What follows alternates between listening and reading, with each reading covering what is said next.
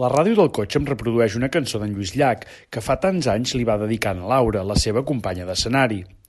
La sento de lluny, distret, pensant en les meves coses, fins que una frase del cantautor em fa parar l'orella i em dóna peu a tornar-me a abstreure.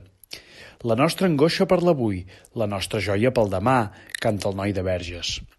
Una cerca ràpida m'informa que la cançó es va publicar l'any 77 del segle passat i penso que, més de quatre dècades més tard, hem capgirat l'equació. Vivim la joia de l'avui perquè ens angoixa, i molt, el demà. No és cert, és clar, l'avui sempre serà angoixant. Però en aquesta època de relacions de xarxes socials, el més important és que mostrem al món, que és la pantalla del nostre mòbil, la joia que sentim.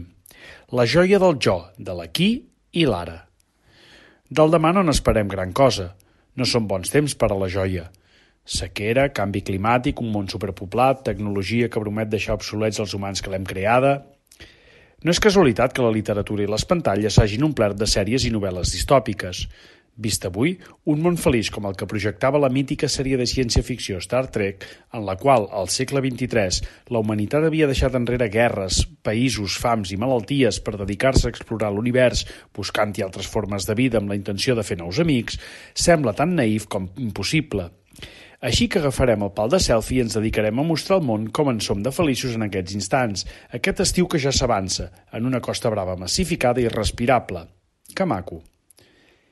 L'any 77, en Lluís i els de la seva quinta tenien motius per a l'optimisme. El dictador feia poc que havia mort, la democràcia semblava possible i el capitalisme triomfant ens feia pujar l'ascensor social com a individus i com a país. Ara en vivim el declivi de tot plegat, però també això passarà. I el futur, per més que ens costi veure-ho, algun dia tornarà a ser joiós.